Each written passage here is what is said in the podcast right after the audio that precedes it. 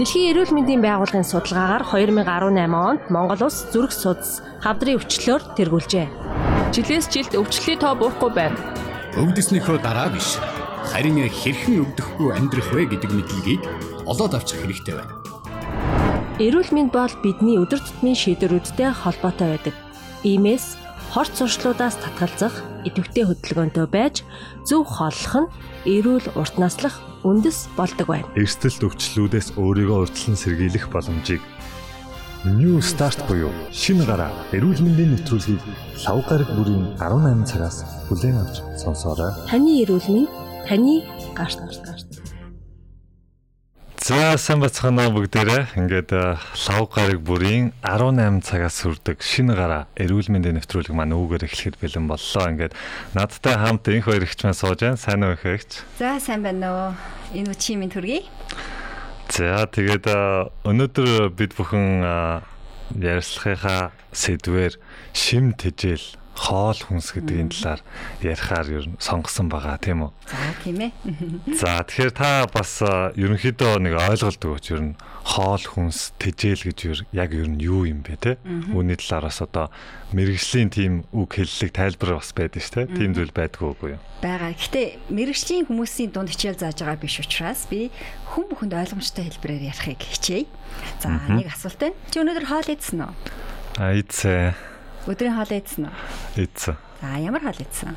Хангалттай хоол идсэн. Аа тий өдөр банш өглөө ихнэр маань банш чанж өгсөн. Тэгээд банш авчиад идсэн дээ. Чи банш гэж харж байна те. За наадах чи би юу гэж харж байна гэхээр өөх, ураг, нүүрсус амин дэм, эрдэс бодис, ус гэдэг зүйл над дотор чинь байгаа юм байна л гэж би харж байна. Тэг бүр цаашлах юм бол энэ бүгд чинь чиний биед ороод ходоодонд чинь ороод цаашаагаа шингээд хоол боловсруулах явцын дунд одоо задраад эд эсэс чинь чамд юу хүргэж ийн гэж бодож байна. Илчлэг.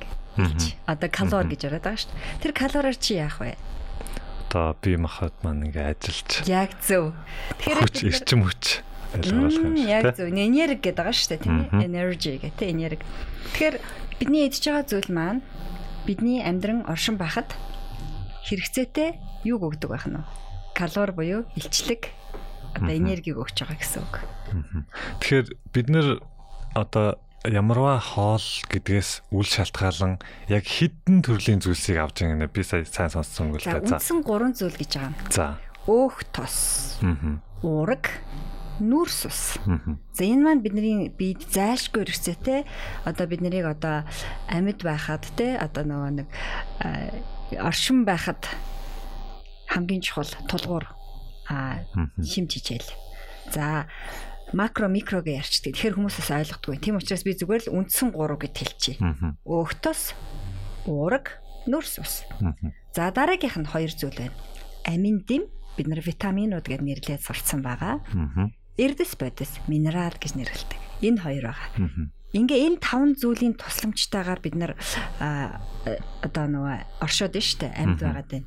Гэтэ мэдээж ганцхан хоолоор хүн амьдрдаггүй гэж хэлдэг л дээ. Гэхдээ амьд байхад яг энэ тав бид нарт хэцүүтэй. Тэгэхээр бидний өдөр тутмын маань идж байгаа хоол унднаас бид нар ерөнхийдөө энэ таван зүйлийг биедээ шингээж авдаг байх нь тийм үү? Ердөө энэ таван зүйлийг авч ин. Гэтэ энийг бүр цаашаа атом молекулын төвшөнд задлах юм бол бид нар нэг тийм авж байгаа зүйл нь одоо хөшөө нарийсаад хуваагч нүүр нүүрс ус гингүүтэл цаашаа задраал нөгөө нэг бид нарт нүүрс ус ч юу вэ? Глюкоз болоод тэгэл нөгөө жихэн булчинд хүч өгдөг одоо нөгөө нэг сахар шиг те глюкоз гэж яриад байдаг шүү те глюкоз энэ гээл одоо хуваагдал явна л да. Тэгэл бүр хамгийн жижиг нэг чинь ATP англиар нэршинлэн л дээ. Одоо хамгийн жижиг нэгч яг булчин руу ич өгч өгдөг. За тэгээд өнөөгийн энэ нийгэмд бид нар бас айгүй олон зүйлсүүдийг сонсч дуулж мэддэг болчиход байна л да. Энэ интернет те телевиз, радио гэдэг зүйлээс сонсоод тэгэн гут юм нэг зөв хоол идэх, буруу хоол идэх гэдэг нэг зүйлсүүд айгүй их сонсогддог болчиход байгаа. За ялангуяа сүүлийн үед мах идэх нь буруу юм аа эсвэл өөх тос идэх нь айгүй муу юм аа гэдэг. Гэтэл нөгөө талд нь болохоор те юу гэдэг өөх тос бид нар хангалттай хэмжээнд авч чадахгүй байх гэх юм. Иймэрхүү зүйлсүүд айгүй их яригддаг болоод байна л. Тэгэхээр ер нь хүний бие махбод те ямар шим тэжээлүүдийг авч явах хэвээр юунаас авч ивэл ер нь зүгээр одоо эрүүл гэж хэлээд байгаа. Та үүн дээр өөрийнхөө саналыг хэлээч. За. За, сая бид нар үндсэн 5 үндсэн 3 тэгээд туслах 2 ингээд 5 зүйлийг нэрлэлээ шүү дээ, тийм үү? Бидэнд хэрэгцээтэй хоол хүнсэнд маань энэ зүйлүүдийг бид нар хоол хүнсээрээ дамжуулан авдаг юм а гэд. За, өөх тус гэл өөх тус маань өөрөө липид гэж хаана л да. За, тэгэхээр өөхтөн дотор болохоор холестерол гэл тий, холестерин гэдэг байгаа шүү дээ, тий. Сайн муу холестерин гэл энэ бүгдийг ингээд задлаад ингээд ширхэгчдэд ярих юм бол нилээн тийм толгой иргмээр тийм зүйл болчдгийг. Тэгэхээр бид нарт өөх тус хэрэгтэй. Өөх тус идэлгүй яах вэ? Идэх ёстой. Харин ямар их сурвалжаас авах ёстой вэ гэдэг нь л ялгаатай. Тэгэхээр зөв буруу гэж байхгүй. Өөрөөр хэлбэл одоо нөгөө үндсэн 3 миний хэлсэн шүү дээ. Fat өөх тус, protein уураг, carbohydrate нүүрс ус. Энэ гурыг ямар их сурвалжаас авч байна гэдэг. Мэдээж нүүрс ус амтны гаралтай бүтээгдэхүүн нүүрс ус бол байхгүй. Нүүрс усыг амтны гаралтай бүтээгдэхүүнээс авдаггүй. Эхний хоёрт чухал байна. Эхний хоёр чинь хамгийн чухал болчиход байна шүү дээ. Яг үүндээ бол Сонсогч та яг одоо шинэ гараа эрүүл мэндийн нэвтрүүлгийн давталтын дугаарыг сонсож байна. Тэгэхээр э, ямар их сурвалжууд ер нь байдгийг бид нүүрс нүүрс нүүрс ус бол биш тийм үү? Гаралгүй гэж. Аха. Тэгэхээр нөгөө нэг одоо уураг өөх тосон дээр бид нэр ямар гаралтай одоо бүтээгдэхүүн гэх юм уу те тийм зүйлсүүдээс дээр явж байгаа. Хоёр л төрөл. За гурав дахь гэж гарч ирээд байгаа. Хоёр нь үндсэн хоёр маань амтны болон ургамлын гаралтай. Гурав дахь нь нийлэгжүүлсэн нэмэлт бодисод. Энэ бол сүүлийн үед нөгөө нэг хүнсний технологи шинжлэх ухаан хөгжсөнтэй холбоотойгоор тийм нийлэгжүүлсэн зүйлийг гаргаж ирж тавьдаг болсон байна. Өөх тос гэхэд зүгээр ингээ хилэн гутал надад болохоор ингээл нэг тийм нэг махан махтай байгаа юм нэг өөх ингээл ерөөсө бодогдоод байгаа байхгүй. Гэтэл урамлын гаралтай өөх тос гэж бас байна гэдэг та тий. Тэгэхээр зарим хүмүүс бас сонирхолтой байж магадгүй л те. Урамлын гаралтай өөх тос гэж юу байдгийг. Үүний талаар бас За маш ингээнээр ярив. Амтны гаралтай өөх тос маань тасалгааны хэмд зарцмаг буюу хатуу байдалтай байдаг. Ургамлын гаралтай өөх тос маань тасалгааны хэмт харагдах байдлыг би ярьж штэ тийм ээ шингэн байдаг. За ургамлын гаралтай өөх тосны дотроосоо зарим нэгэн палмик буюу тий одоо коконатны болон палмик модны тоснууд нь тасалгааны температур буурах тусам өөрөөр хэлбэл 20-оос доош хэмд орох оронгууд зарцмагдуу болдог. Маш хурдан гэхдээ эргээд хайлдаг. Амд оргуудаа шууд хайлдаг. За амтны гаралтай тасалгааны хамгийн энгийнээр ойлгоход тасалгааны температур зарцмаг хатуу хэлбэртэй. Урамлынх нь болохоор тасалгааны хэмд шингэн байдаг. Гэтэ ганц нэг онцлог өөр тос байдаг. Амтны гаралтай тосон дотор бас нэг тасалгааны хэмд шингэн болж чаддаг бас нэг тос байдаг. Тэр нь хоньны сүл шортос хоёр байдаг. Яг хаа тасалгааны температур нэмэгдээд 20 22 гэж болонгууд чинь хайлаад эхэлчихдэг. Энийг бид нар амархан мэддэг. Тэгэхээр энэ царцах одоо үйл явц нь одоо ямар нэгэн утга илэрхийлж байна. Энэ зарцдаг зарцдаггүйгээсээ болоод одоо чанарт нь эсвэл ямар нэгэн өөрчлөлт гэж байна уу? Ягаад энэ одоо царцдаг гэдгийг айгу онцолж ирж яриад байна тэгээ сая би болохоор царцдаг нь муу шингэнэн сайн гэж бас хийж амжихгүй байна шүү дээ за царцна гэдэг маань бидний биед ороод а задрахад энэ царцмаг хэлбэртэй одоо тосыг гэх юм уу да тийм бидний гаралтай бүхэл хэлбэрээр байгаа зүйлийг бидний бие задлах гэж нэлийн зовдөг гэдэл ойлгочих. Өөрөөр хэлэх юм бол энийг задлахын тулд бидний биед байдаг илгэнд ялгардаг а цөс гэж байдаг. Цөс маань цөсний хүүдээ маань цөсөө ингээд тэр тоос өөх орж байгаа хэмжээгээр тэр тосыг задлахын тулд ялгаруулдаг. За ганцхан элэг зүгч биш бас нойр булчираас гарч байгаа бус төрлийн пептидүүд гэдэг нийлээд тосыг задладаг. А ургамлын гаралтай тосыг задлахад би манай лаборатори химийн үйлдвэр гэдэг байгаа шүү дээ. Манай химийн үйлдвэрийн үндсэн нөөц бүтээгдэхүүнүүд маань ядах юмгүй амархан задлаа шингээгээд авах юм аваад хаях юм хаяад явуулчихдаг. Амтны гаралтайг задлах гэж нэлээ их одоо хүчин чармаар шаардхаас гадна а бид байгаа тэр нөө нөөцүүд маань илүү ихээр ажилдаг. Тэгээд бүрэн задрахгүй тохиолдол байдаг. Жишээлбэл ингээд жажилсан дотор өөхнүүд бол жажилсан чигээрээ одоо юу гэдэм задрахад маш хэцүү. Өөрөөр хэлбэл хайлж чадахгүй байгаа. Биеийн температур чинь 36.5-аас дээш гарахгүй шүү дээ тий. Тэнгүүд тэр тос ямар хэдэн хэдэн градус задардаг вэ гэдгийг ярих болно. Тэгэхээр чин маш өндөр хэм задардаг тосууд байдаг. бүр хашин тосыг аваад үзье л да. Буцалж задран штэ тий. Тэгэхээр бид нэр тэрийг буцалгаж ходоодондоо задлахгүй штэ тий. Өөрт байгаа нөөц буюу тэр нөгөө тосыг задалдаг шингэнүүдийн тусламжтайгаар ялангуяа цөс гэдэг байгаа тий. Тусламжтайгаар задлана. Тэгээд задлахад өнөөдгийг чинь задалж дийлэхгүй. За гих мэтчлэн энээсээ холбоотойгоор бид нар нөгөө авах хөстэй юм авч чадахгүй ихэвчлэн хоол болохгүй гараа явцдаг. Аа зарим биеийн хаа нэгтээ үлдчихээ тодорхой хугацааны дараа төрнөөс булбаата өвчлөлүүдээр өвчлөлдөг. Ялангуяа цөсний асуудал бол цөс зогсонгочдог, өтгөрдөг, сүулдэ чулуучдаг, тэгээд ажиллагаагүй болдог гэл те.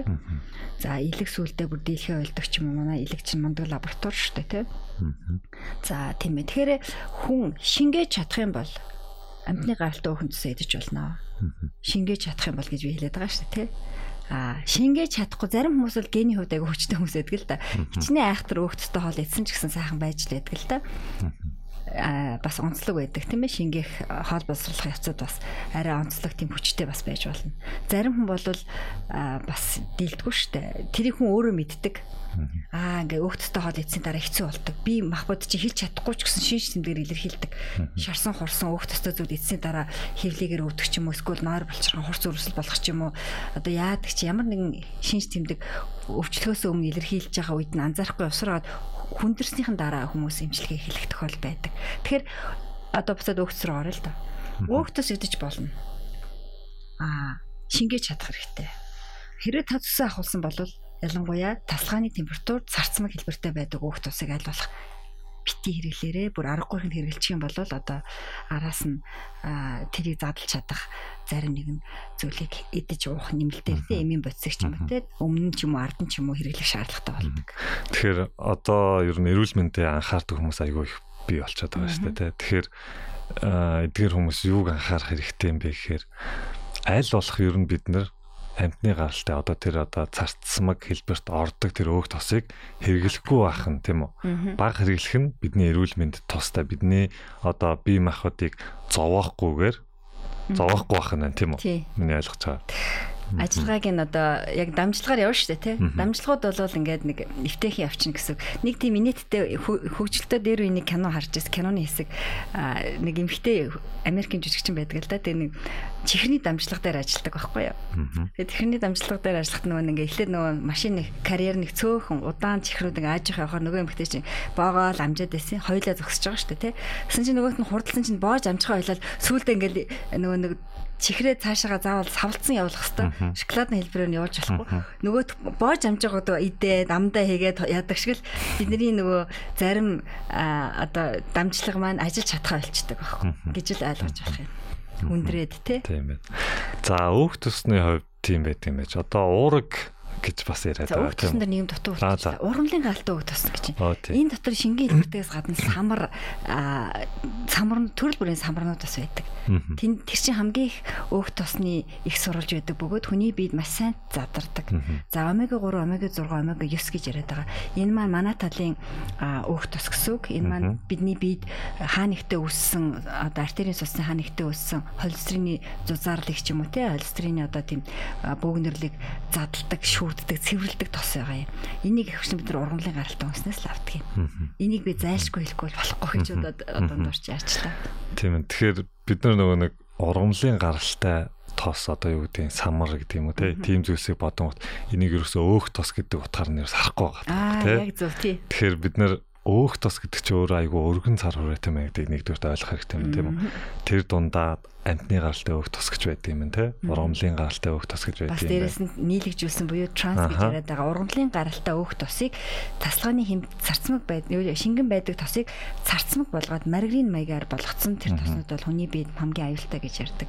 Нөгөө нэг одоо молекулын гинжин хэлхий гэж байгаа. Тэр нь би задлж чадахгүй төвшөнд орчдөг. Тэгээ бие хаа нэгтэй үлдэнэ. А ядаж цэвэр амтны гаралтай нь болохоор ядаж хагас дутуучсан задраад байдаг. Ургамлын гаралтай нь цэвэр задардаг. Ингээд хувь хүний өөрийн сонголт алийг нийтэх вэ? За. За өөх тосны хувьд тийм байна. Тэгэхээр уураг гэж би одоо нэг жоох юм юутай юмнуудыг л яриад байна л да. Эргэлзээтэй хүмүүсийн ингээд бас зарим нь нэг талаар зөв гэж боддог, зарим нь буруу нэг талаар буруу гэж боддог тийм зүйлсүүдийг яриад байна. За уураг гэж байна. Уургийг бид нар хаанаас авах вэ гэдэг юм хүмүүс хөвчлэн одоо за ялангуяа юунд явж байгаа фитнес жимд явж байгаа хүмүүс байдаг л та тийм protein аа whey protein гэдэг нэг зүйл ууж байна. Тэндээс уураг авч байна. За мөн одоо юу гэдэг дахианы цээж мах бол хамгийн их сайн уурагтай гэдэг ч юм уу те. Тэгэхээр ер нь уургийг бид нар хаанаас авал цохилттой ямар ямар одоо уургийн их үндсүүд байдгийг тэрний талаар. За би бас бас л нөгөө хоёр зүйл хэлээ. Уургийн их сурвалж бол амтны гаралтай их сурвалжаас байж болно, ургамлын гаралтайгаас байж болно. За дээрэс нь гурав дахь гэж би зөвхөн яриад байгаа шүү дээ. Эн чинь бол үндсэн. Тэр нь юу гэхээр нийлэгжүүлээд химийн аргаар бас хийгээд байгаа байхгүй юу? Нэмэлт бүтээгдэхүүн маягаар химийн юутай орлуулагч ихтэй болчиход байна. За ер нь бол ургамлын гаралтай уураг хүний биед бол өндөр хувьтай шингэдэг. Амтны гаралтай уураг хүний биед бага хувьтай шингэдэг. За идэж болно гэж би болохгүй гэж хэлээгүй шүү дээ. Идэн гэхдээ бид нар амтны гаралтай уураг хит их идэх тохиолдолд тодорхой хугацааны дараа 20 жил 30 жилийн дараа ч юм уу те 10 жил ч байж болно тийм ээ. Ямар нэгэн сөрөг үр дагаврууд илэрдэг. Үүний нэг нь уураг бол биес шүүгдэхтэй бөөрөөр дамждаг. За ихэвчлэн бөөрийн асуудал үүсэх гэдэг. За амтны гаралтай уураг бол ер нь хүндддэг л гэж хэлчих. Энийг мэдхэд амархан та маш их махтай хоол идчих. Маргааш нь өглөө яаж босох вэ? Амаргүй байдаг, хүнд байдаг, шингээлт нь удаан байдаг. За маш их хоньны махтай хоол өнөөдөр идчихэд маргааш бийцсахтаа шээснийхаа өнрийг өнөрөл ямар өнөр хүндэрч чинь их хүн байна. За тэгвэл нэг өдөр хоньны мах идэхгүйгээр ч юм уу те баг идээд ч юм уу зөвхөн өдрийн хоолндоо идээд орой хөнгөн тараг угаад унтчих.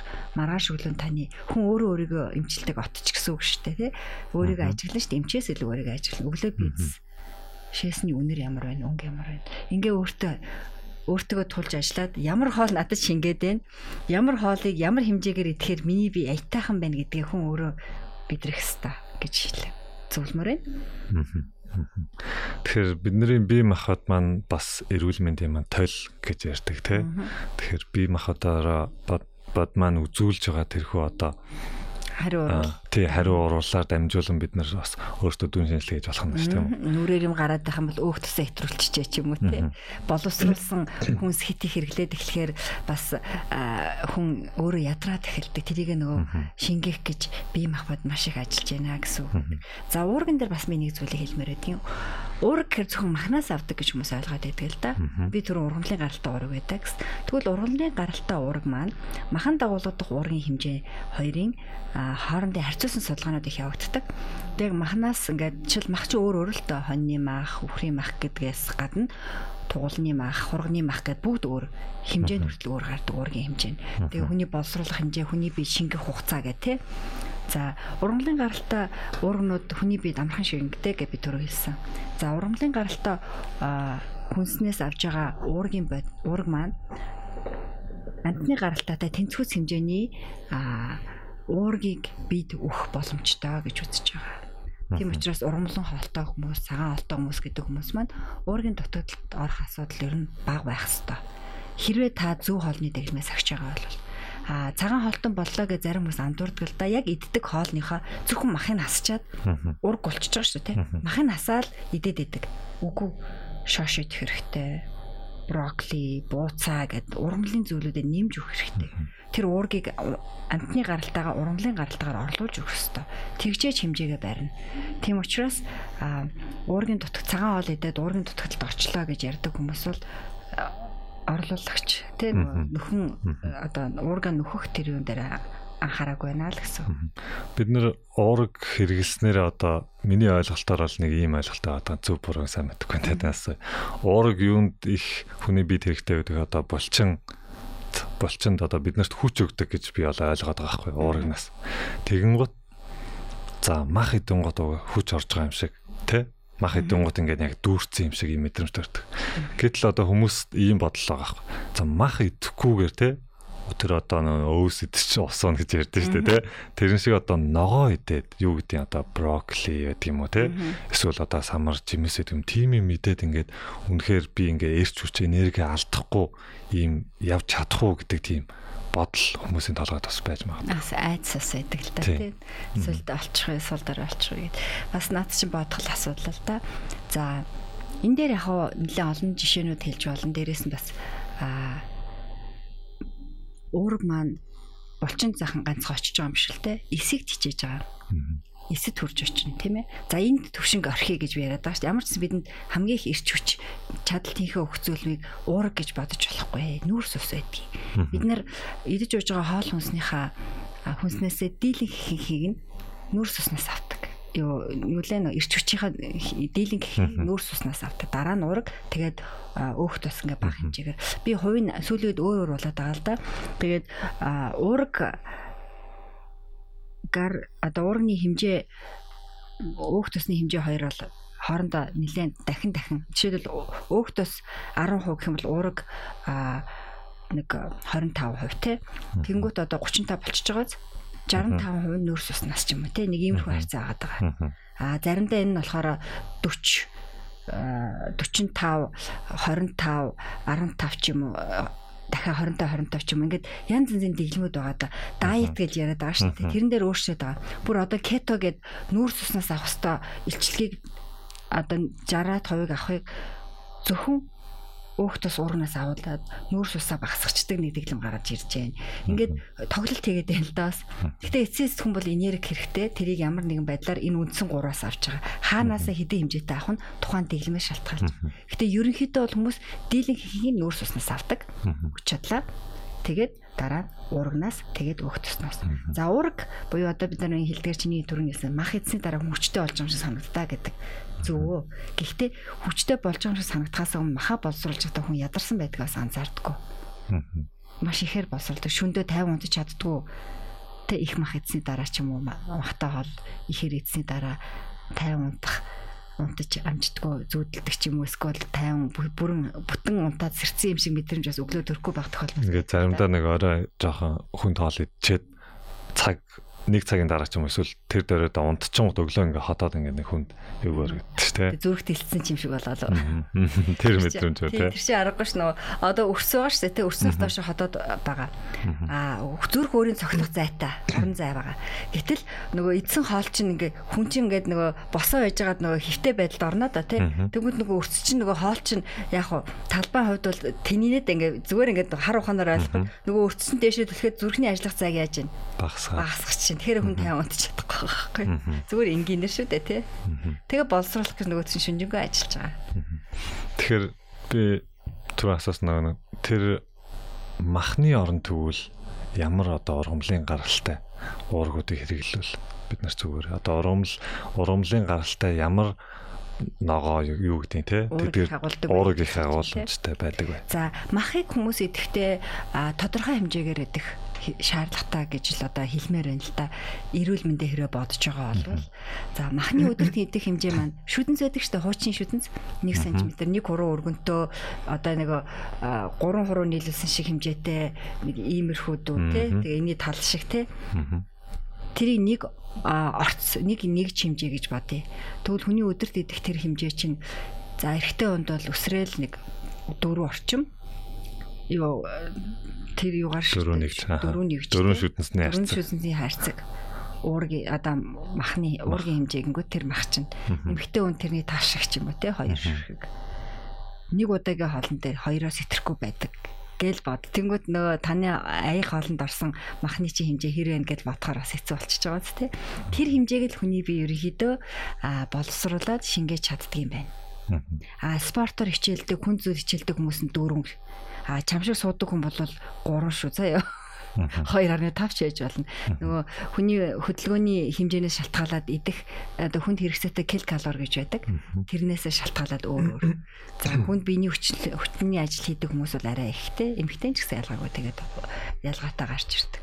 Тэгэхээр уургийн хэмжээг а ургамлын гаралтай болгоно гэхэд а ийм махан жоохон харагдаад байгааз Тэгвэл брокколины нэг юм том брокколи байлаа шүү дээ. Тэ нэг одоо дэлби одоо ингээ гар шиг хоёр гар ингээ нийлүүлсэн юм шиг гэж нэг багц. Багц гэ тэ. Тэрийг хүн бол идчихнэ дээ тэ. Тэгтэл тэр чинь чиний эзэн тэр дөрвөн ширхэг би хүнд өчлөмөр хийсэн хүнээр бодчихлаа. Дөрвөн нэгж уурганд одоо маханд байгаа уургнаас дахин илүү их байгаа байхгүй юу?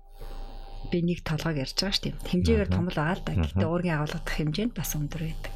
100 г-ыг харьцан 100 г гэж үзэхэд тэр хоёрын хоорондох уургийн хэмжээ нь бол ерөнхийдөө яг адилхан байдаг гэж үздэг. Жохон зур байдаг. А хамгийн чухал нь амтны гаралтанд би шингэхдээ тодорхой хувиа хайдаг бол ялгадс болгодог бол урамлын гаралтанд ялгаруулах хэсэг нь маш бага байдаг. Шингээгээд авах нь их байдаг гэж үздэг. Сонсогч та яг одоо шинэ гараа эрүүл мэндийн нэвтрүүлгийн давталтын дугаарыг сонсож байна. За тэгэхээр үндсэн 3 юм байгаа. Одоо болохоор нөөс нөөс ус. Нөөс ус тийм үү. За нөөс усыг бид нэр тэгвэл ямар хоолноос хоолны одоо юунаас нь авдیں۔ те? Нүүрс ус гэж юу нь яг юу юм? Надад бол ийм ойлголт байхгүй байна л да. Нүүрс ус нүүрс ус л гэдэл айгүй их яриад байдаг те. Нүүрс усаа багасгах гэдэг юм юу ч гэдэг. Одоо энэ яг яг юу гэсэн энгийн үгээр та нэг ингэдэг нэг хүмүүс сайхан ойлгомжтой тайлбарлаад CHO гэх хэмээн нэгтэр ярьж байгаа. За нүүрс ус гэдэг маань түрүүн би яг цогц дурдаад өнгөрсөн. Бидний бид хамгийн их эрч хүч энерги өгдөг хэсэг. За нүүрс ус маань ерөөсөө урмлан гаралтай байдаг гэж би бас хэлсэн байгаа. Санаж байна тий. За буудаа өрт урмлууд ногоо чимэс бүгдэнд нь нөрс ус байдаг. Ерөөсөө урмлын гаралтай бүх зүйлд. За төмсөнд байдаг уу? Төмсөнд маш их байдаг. Цагаан будаад маш их байдаг. Гэхдээ нөөс ус гоймонд их байна. Тэ гурилын буудаан бүх төрлийн бүтээгдэхүүнд байна. Гэл ботхоор ч одоо бараг бүх хүнсэнд байгаа даа. Тэгэхээр нүүрс усыг а их сурвалж маань ерөөсөө урамлын гаралтай.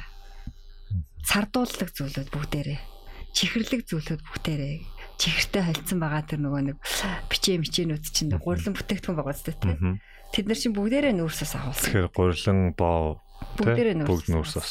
Би бас Гэтэ гурлан бовч ганцхан нүүрс усаар бүрдсэн биш. Тэнд дотор өөхтөс байгаа. Тос жоох байсан ба. Уураг бас байгаа. Гурланд өөрт нь тодорхой хэмжээний уураг байдаг. Нүүр хөврөлт уураг байдаг. Нүүрс усын хэмжээ нь их өндөр гэж бус хоёроо харьцуулах юм байна. Мах дотор өөхтөс байгаа. Уураг хоёлаа байгаа. Нүүрс ус лахгүй шүү дээ, тий. Аа бууцаа гингүүд бууцаан дотор өөхтөс нь байна. Нүүрс ус бага хэмжээтэй байна уураг тодорхой хэмжээтэй бас байгаа хгүй их хэмжээтэй байдаг гэж үздэг. Юу, газтай ундаанд бас нүүрс ус байдаг гэж. Газтай ундаанд нүүрс ус маш их байгаа. Яагаад гэж тэр дотор чинь нөгөө нэг а чихрийн ишингээр боيو эсвэл бол а эрдэнэ шишийн сиропоор одоо амтлаг байдлыг бий болгосон байхгүй юу? Тэр чихрийг бий болгосон. Чихэрлэг бундаанууд чинь бүгдээрээ асар их хэмжээ. Чихэр байгаа юмд л нүүрс ус байна гэж ойлгож болох юм тийм үү? Чихрийн орлуулагч хийсэн байсан ч ялгаагүй. Сүүлийн үед бол а эрдэнэ шишээс гаргасан өтгөрүүлсэн тэм сироп хийдэг болсон. Тэр нь жирийн сахарнаас дахин илүү хэмжээтэй сахарлаг байдлыг амтлаг байдлаа оруулдаг. Энэ маань химийн аргаар гаргасан учраас яахан аюултай гэж үзээд байгаа л да. За тэгэхээр бидний хоол хүнс маань ерөнхий тийм үү одоо гурван зүйлээс бүрддэг гэж ярьлаа шүү дээ. За үндсэн гурав үндсэн гурав тий. За эхнээс нь хэдүүлээд ордъё л да. Уураг. Аха.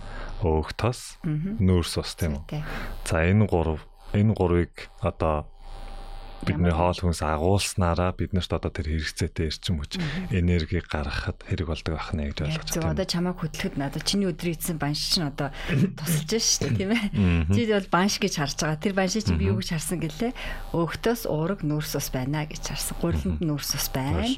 Маханд нь уураг ба өөхтөөс хоёлоо байна. Дээр нь сонгон сармас юу гэдгийг бусад зүйлүүд байснаас гадна аа тодорхой амтлагчуд орсон. Тэднэр дотор чинь тодорхой хэмжээний минерал трейсүүд энэ төр те одоо нэг эрдэс бодис орсон байдаг. Гурлан тодорхой хэмжээний бас эрдэс бодис байдаг. За тэгвэл За бид нар ийм ийм хэмжээтэй ийм одоо бүрдлүүдээс бүрдсэн хоол хүнс иддэг юм тийм үү? Ямар ч хоол байсан энэ таван зүйл ямар нэгэн хэмжээгээр байж байгаа. За тэгвэл одоо юуны талаар ярил та? Хизээ хэрхэн яаж идэх талаар ярилцсан бүгдээр. За хоол хүнс яг бүх таван нэгдэл нь гоё бүгдээрээ тавуулаа нийлцэн тийм үү? Одоо юу гэдэг айгуу гоё эрүүл хоол хүнс байлаа гэж тэл л. Гэтэл үүнийг яг хизээ идэх хэрэгтэй юм бид нар. Одоо хэрхэн идэх хэрэгтэй юм те? Тэрний талаар. За хизээ хэрхэн хэмжээ гурыг ярих хэрэгтэй юм байна. За. За хүн ер нь өдөрт 3 удаа хоолдог. Тийм ээ. Өглөө өдөр орой гэж хоолдог. За эртний мэрэгдүүд ухаант хүмүүсийн хэлж байгаагаар өглөө хаан шиг. Биш хаан шиг гинэ нөгөө асар ихээр буюу гуйлгачин шиг гэж ярьдаг л да. Гэхдээ нөгөө нэг яг баялаг гэдгийг би хаан шиг гэж хэлчихдэг юм. За өдөр нь дунд зэргийн идэн гэж байгаа шүү тий. Орой нь яаж чана? Бүр гуйлгсан шиг хоол олдохгүй байгаа. Маш багаар идэн гэсэн үг тий. За эн чинь зүгээр хүний бие шаардлагатай 24 цагийн хэмнэлийн аа угаасаа 8 цагт нь хүн унтчихдаг. За 10 цаг нь хасаа хайчи 14 цаг агаад 14 цагийн хооронд нь хоол шингэх боломжоо 3-аас 4 цаг 5 орчим цаг гэж бодоод ингээ хуваачиж байгаа. Тэгэхээр бидний эзэн хоол ер нь 3-аас 5 цагт ерөнхийдөө шингэнэ. Тэгэхээр өглөө 8-д өглөөнийхөө цагаа өглөөний хоолоо идсэн хүн байна. 8 дээр та 12 цаг өнгөрөөгөөд 12:30-д өдрийн хоолоо идэнэ. 12:30-д идсэн хүн маань оройн хоолоо 6-гийн алдад ч юм уу те 6 өнгөрөөгөөд. Гэтэл энэ хоорондын зай нөгөө бидний хоол боловсруулах боловсруулах чадлын одоо юу гэдэг нь боломжтой хугацаа гэж хэлж хэлж болох юм аам л да. За зарим хоол хүнсний бүтээгдэхүүн удаан шингэдэг л дээ зарим нь хурдан шингэдэг тийм ээ.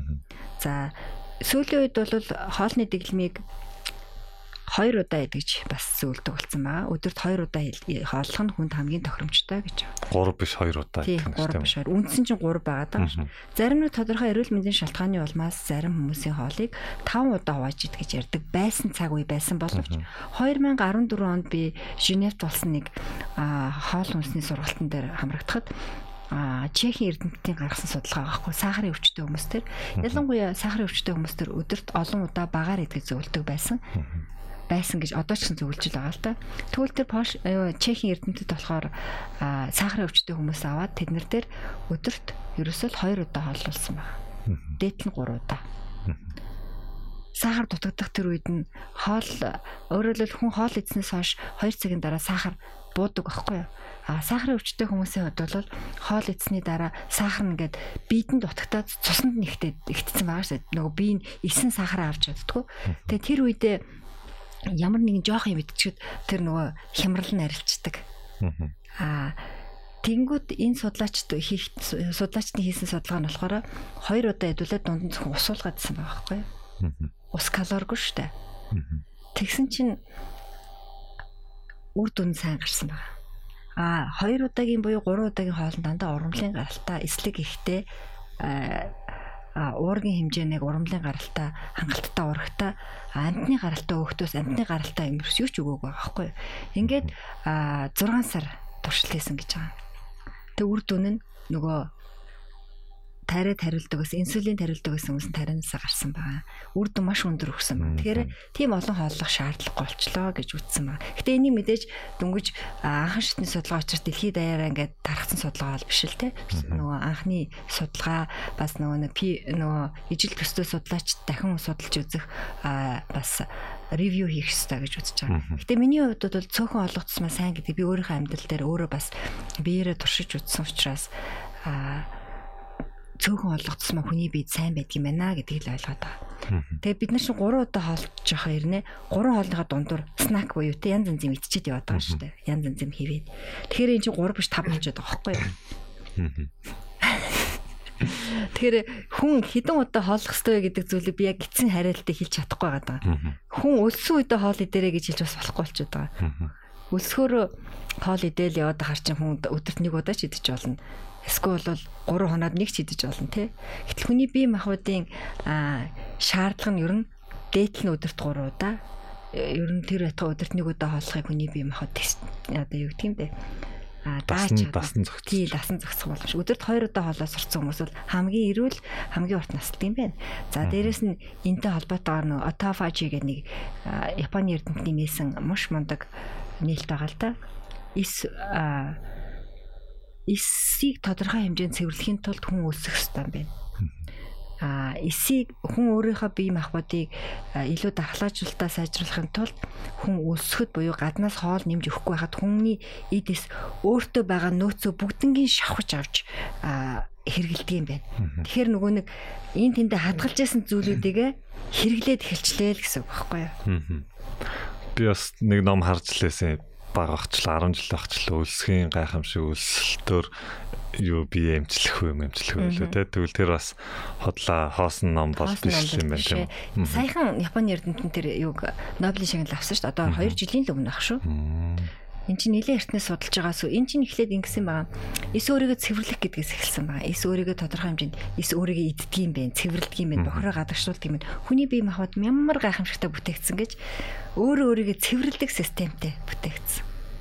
Тэгтэл бид нар одоо тэр дархлаажуулалтаа сайжруулахын тулд тэр эсээ эцсийн одоо юу гэмдэ эсээсээ ажиллуулахын тулд өсөд буюу те гаднаас хоол калори нэмж өгөхгүй байх юм бол дотроо хадгалсан нөөцөөсөө хэрэглээд идэг байх нэ. Тэгэхээр бид нар яах нь одоо нөгөө турх туртаа хүмүүсийн нэг дуртай юм нь олцоод байна шүү дээ. Гэтэ хитрхи хөсөж болохгүй өөрийнхөө чадах хэмжээндээ хоолгүй мацаг барих гэдэг зүйл одоо гарч ирж байгаа шүү дээ. Мацаг барих, мацаг гэдэг зүйлүүд их ярьж байна. 7 хоногт нэг удаа мацаг барих юм бол 24 цагаар мацаг барихад энэ маань ходоодоо сайхан цэвэрлэл цэвэрлэлчлээ, хоол боловсрол системээ цэвэрлэлчлээ гэсэн үг гэдэг. За 72 цаг гэх юм бол биес илүүдл одоо давс эрдэс бодис юу гэдэг тийм үедээ хөөгд гаргана гэсэн үг гэл ингээл явдаг л да. За тэгэхээр би бол нэг хэсэг яаж үтсэн л дээ. Хоёр өдөрт хоёр удаа хоолж үтсэн байхгүй. Тэгээд 10 цагийн үед өглөө хоолоо идээд тэгээ өдөөс хойштоо 3 билүү 4 цагийн үед хоолж үтсэжсэн. Тэгээ үзэхэд бол надад бол айгүй хэцээсэн. Би айгүй тийм юу төрлийн багхгүй одоо өлсөж чаддгүй гэх юм уу те. Тийм төрлийн өөл даадаггүй ингээд ер нь удаан өсгөлэн явдаггүй чаддаггүй айгүй бол ингээд ор бохимдол төрдөг ч юм уу те. Тийм төрлийн. Тэгээд Тэгэж э, үзэж яхад болохоор чиний сахар ер нь бага байдаг юм байна да. Магадгүй. Сахараа үзүүлэх хэрэгтэй. Тэгээд э, тэгж яхад болохоор надад бол айгүй хэцүү байсан. Тэгэл дундуур нь ингээл юм идмээр санагтаал те. Ингээл өлсөөл тэгэл эсвэл орой 4 цагт хоол идэж байгаа шүү дээ. 3 3 4 цагийн хоол идэнгүүт орой 7 8 болонгод ингээл бүр өлсөөл унтах тэр чин болоогүй 10 цагийн үед унтна шүү дээ те. 10 өнгөрөөгд унтах байтал. 8 9 гэд өлсөд эхэлцдэг тэгэн гот За энэ бол надаа ер нь бол тохирохгүй арга юм байна гэж бодож ирсэн. Тэгж нэг туршиж үзсэн. Тэгэхээр чи 3 удаа хоолоход нь чамд тохирдог. Хүн өөрөө өөрийгөө мэддэг тийм ээ. Аль нь эвтэй вэ? Тэгэхээр өглөө өдөр орой зарим хүний хоол боловсруулах шингээлт буюу боловсруулах явц хурдан байдаг. Метаболизм гэж ярьдаг тийм хоол боловсруулах механизм хурдтай хүмүүс байдаг хоол идэл 3 цагийн дараа шингээч чаддаг чим чадвартай хүмүүс. Бид нар чинь хүн хүмүүсийн дундчийг яриад байгаа шүү дээ. Тэгээ дээрэс нь бас хүмүүсийн дундчийг ярихаас гадна биеийн хүчний хөдөлмөр хийдэг, оюуны хүчний одоо тэ сумгаа байдаг, атлетик ч юм уу тэ эндээсээ шалтгаалаад бас бид нарын нөгөө идэх хэмжээ болон идэх нөгөө хугацаа бас хүн болгоны бие махбодоос харьцангуй өөр өөр байна ш тийм үү. Бид нар generalize хийгээд байгаа байхгүй? Бүгд нэг иймэрхүү шүү дээ гэж. Дунд ч нь ийм шүү те. Магадгүй та тэрнээс их байж болно эсвэл бага байж болно. Яг гоо өөрөө өөрийгөө судал та өөрөө өөртөө отож учраас өөрийгөө сориод судлаад үз гэж хэлмээр байдаг. А мэдээж өглөөний хоолыг идчих хамгийн зөв гэж ярьдаг. Өглөөний цайгаа уудаг, өглөөдөө хоолоо иддэг хүмүүсийн оюуны бүтээмж өндөр байдаг гэж ярьдаг судалгаанууд ч их байдаг. Өглөөний цай хамгийн эцсийн хугацаа 9 цаг 30 минутаас өмнө л идчихэвэл өглөөний цай болдог. Тэрнээс хойшлчих юм бол өдрийн хоолныхаа талдаа орчиж байгаа гэсэн. Оройн хоолыг бас хамгийн дээдлийн цаг гэхэд чинь л 7:30-аас хойш идчих болох. Идвэл би тийм таатай биш ээ гэж үздэг. Тэгэхээр зарим манай одоо жишээлбэл дүү байна л да өглөө юм идэж чаддгүй гэл тэгдэг гэсэхгүй. Өглөө ерөөсөө юм идэж сураагүй тэгээд өглөө юм идэж чаддгүй. Наа чи мууштай юм. Угаасаа ингээд юм идэх гэхээр ингээд ордгоо маа ингээд гэдэг хэвгүй. Тэгвэл одоо ийм төрлийн хүмүүс байвал одоо яах хэвтэй юм бэ та зөвлөж. За ийм төрлийн хүмүүс байдаг. За энэ төрлийн хүмүүс бол өөрийгөө ийм байдалд сургацсан болохоос ш бие махбод нь хэрэгцээгээ мэдэхгүй байгаа. Хүн алсын замд гарахад машинаар явж байгаа бол эхлээд бензиний хийгээ яардаг штэ тий. Тэрэн шиг л өдрийг тулахын тулд эхлээд юм идчихэд гараад уг нь бол сайн юм байна. Энэ зүгээр л нөгөө сургах хэвээр тарих бодолтой холбоотой.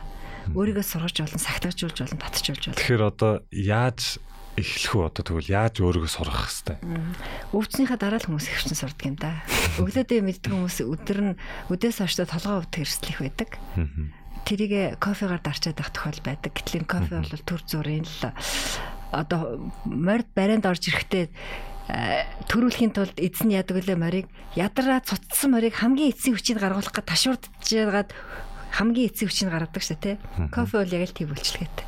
Ядарсан бие махбодыг эцсийн одоо юу гэдэг юм одоо эцсийн хүчийг шахуулдаг. Нөгөө ядраадагийн төр мартагнуулдаг байхгүй юу? Ядарсан байхад нь төр мартагнуулдаг боловч бие нь ядарсан хэвээрэл байдаг. Тэгвэл өдөөс хойш өглөөний хоол иддэг хүмүүс өдөөс хойштоо амархан ядархаас гадна а толгой их өвддөг. Дээрэс нь ажлын бүтэмж муу байдаг. Тэрийг өөртөө анзаардаггүй. За ингээд өглөөдөө мэддэггүй яваас сурцсан залуучууд чимээгүй гайг байдаг. А 40 гараа 50 гараад эхлэхээрээ яг жинхэнэ асуудал гарч ирдэг. Ийм хүмүүс хоол унд яадаг хүмүүс багтаа ч юм уу одоо юу гэдэг өглөөдөө мэдхгүй үлээ явж байгаад өдөр нь гинт ихэд орой ихэдэд унтах.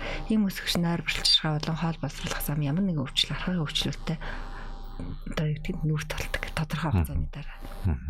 Тэр болтлоо хүн хүн гэдэг штэ өвдөлтөл яваад идэг өвдөхгүй л зүгээр ингээд идэг. Яг бол хүний бие махбодын шинж тэмдэг зарим эргэтэн дээр удаан илэрдэг. Зарим бүр дүлийн учраас юу ч хилдэггүй тэгээ байж идэг. Эцсийнхаа шатанд орохоор хариу урал үзүүлж шинж тэмдэг нь илэрх тохиол байдаг. Энийг зүгээр л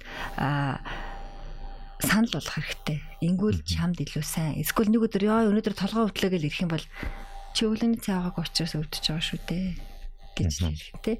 Өнөөдөр юу ч ойлгодгүй толгой ажилтгүй гол өглөөний цайгаа уусан юм уу? За тэгэхээр өглөөний цайгаа ууж дадаагүй хэрвээ тийм хүмүүс бас сонсож байгаа бол тий. Тэгэхээр өөрийнхөө ирээдүйн эрүүл мэндийг өөрийнхөө ирээдүг бодохын тулд өнөөдрөөс эхлэе маргааш өглөөнөөс ахуулаа тийм үү. Баг багаар хичнээн хэцүү байсан ч гэсэн тий. Үнэхээр ингээд орохгүй байсан ч гэсэн баг багаар бас ингээд юм өөрийгөө хүчлээд идэж сурах юм бол явандаа үүндээ дасан зогцоод өглөөний хоол иддэг хөвшилтэй болох нь тийм үү? Яг зөв. Энийг хүмүүс өөрөө сургадаг. Идэхгүй байхыг өөрөө сургасан шүү дээ. Өөрөө сонголтоороо тий. Тэгэхээр сонголтоороо иддэг болж бас болох нэ. Сонсогч та яг одоо шинэ гараа эрүүл мэндийн нэвтрүүлгийн давталтын дугаарыг сонсож байна. Хүн ер нь бол ямар нэгэн орчин нөхцөл хэлбэр байдалд бол дасан зохицохтой маш сайн. Адаптац гэж яриад байдаг шүү тий. Бид нар чинь дасан зохицох чадвар сайтай. Тийм учраас өглөө хоол идэж чаддгүй хүн өөрийгөө сургаараа. Өөрийгөө сургаад дасан зохицоод өглөө хоол идэж чаддаг хүн болж болох нь байна тийм үү? За өөр танд хоол хүнсэн дээр бас нэмж хэлэх зүйлс байна уу? Одоо ер нь нэмж хэлэх байтгаа их юм байна л да. Харин ингээд яриул бас айгүй их зүйлс рүү орох гэдэг шиг юм те. Энэ гурав дээр ингээд төр зүр өнөдөр өндөрлөө дараагийн нэвтрүүлгээр үргэлжлүүлээд бүр нарийсах л та. Бүр илүү сонирхолтой болгоё хэрвээ лайв юм уу видео хэлбэрээр явдаг бол би зарим нэгэн зүйл авчирж байгаад ингээ харуулж байгаа ярьж бас болж байна. Хоол хүнстэй холбоотой зүйл болон бие махбод энэ хоол хүнсийг хэрхэн яаж шингээдэг сонирхолтой шүү дээ эн чинь. Маш сонирхолтой байдаг. Гэхдээ энийг химийн биш. Одоо ингээд томьёо хичээл тавьчил хүмүүсийн толгой иргэн маш энгийнээр маш гоёор тайлбарлаад ингээд яхаар хүмүүс идэж ууж байгаа хоолнд анхаарал эхэлдэг юм. Өөрийнхөө ирээдүйн хөрөнгө оруулалт гэдгийг хүн өөрөө л хийдэг. Өөрийнхөө сонголтоороо хийдэг. Юу идэж ууж яах гэдэг маань хувь хүний сонголт байдаг. Түнс хүн дураараа амруу чихээд идвүү шүү дээ, тий. Яг хүүхдүүдийн хувьд бол сонголтгүй л ээж аав өгч байгаа гэдэг. Гэтэ ээж аав нь хүүхдээ хязгаарч муу юм өгөхгүй шүү дээ, тий. Тэгэхээр хүн идэж ууж байгаа хоол хүнсээ өөрөө сонгох чадвартай бол өөрөө сонгодог. Тэгэхээр эрүүлийг сонгох уу, арай гайгүй эрүүлийг сонгох уу, одоо жаахан жаахан тимийг сонгох уу, амтлаг мэдрэмжэндээ дарангуулгах уу гэдгийг хүн өөрөө л шийддэг. Тэгэхээр э, бидний нэвтрүүлэг маань бас та бүхэн интроноос сонссон бах те. Энэ бол урьдчилан сэргийлэх. Ерөөсөө өвчлөлийг бид нар бий болохоос өмнө хэрхэн яаж урьдчилан сэргийлэх вэ гэдэг аргыг суралцчих юм бол ямар ч одоо тийм хэцүү зүйлгүй муу муухай үр дагаваргүйгээр бид нэр мөнгө төгрөгөө хэмнээд явж болох нь байна гэсэн. Яг зөв. Тэгэхээр ийм зүйлийг бид нэр энэ хүн нэвтрүүлгээрээ дамжуулан бас сонсогчдоо хүргэхийг хүсэж байгаа. За тэгэхээр э, өнөөдөр хоол хүнсний талаар бид бүхэн бас ярилцлаа тий. Хоол хүнсэнд маань ийм ийм зүйлсүүд оролцдог юм байна, бүрэлддэг юм байна гэдгийг суралцлаа. За тэгэхээр дараагийн нэвтрүүлгээр бид нар хоол хүнсээ дэлгэрүүлж ярих уу? Тий. Одоо арай нэг юу юу гэдэг да одоо хүмүүст практикал те нөө нэг хэрэгжүүлж болохос тал дээр бас тавьж ярмаар санагдлаа. Өөрөөр хэлбэл өөх тус амтных нь ургамлынх нь энэ юу байдаг гэдэг ч юм уу нэрлэл заагаад ингэж идвэл ингэж ингэн. Энэ нь ийм юмд сайн. Хэрвээ таны бие махбодод те ийм өөрчлөлт гарсан болвол ийм зүйл төлөх үед бол зүгээр ч гэдэг юм. Тэгж яриа тийм зөвлөгөөнүүдийг бас зөвлөгөөнүүд бас оруулмаар санагдлаа л. Бас хэрвээ шууд утас ажилтдаг бол хүмүүсээс асууж болно. Миний нэг сонирхол ч юм уу тий одоо бас хүсдэг зүйл маань хоолоор эмчлэх гэдэг тал дээр бас Монголд ажиллахыг хүсдэг л дээ. Аа би бас гадаад сурч байхдаа эгийн чиглэлээр нэлээ олон хүмүүстэй хамтарч ажиллаад тодорхой өвчин шин шимдэг илэрсэн хүмүүс болон онцлогдсон хүмүүстээр яг хоол эмчилгээ ямар ач тустай байдаг бэ гэдгийг тухайн хүн дээр сонгосон хоолны одоо тийм менюгээр те тухайн хүний эдгэрэлт а бас өвчлөлийн явцыг удаашруулах ч юм уу те. Уйлаа эдгэрэх явцыг хурцгах өвчлөлийг нь шинж тэмдэг нь дарах бас эдгэрэх явцад нь бас туслах тийм боломжууд бас гарч ирсэн. За ингээд өнөөдрийн манай шинэ гараа нэвтрүүлэг маань энэ түрээд өндөрлж байна. Тэгээд инхэгчтэй бас баярлалаа. За тэгээд дараа 7 хоногийн лав гаргийн 16 цагт 16 юу 18 уу? 18 цаг тий. 18 цагт яг энэ цагтаа бас та бүхэнтэйгээ эргэн уулзах болно ингээд хамт байсан сонсогчдоо баярлалаа. За баярлалаа. Баяр та.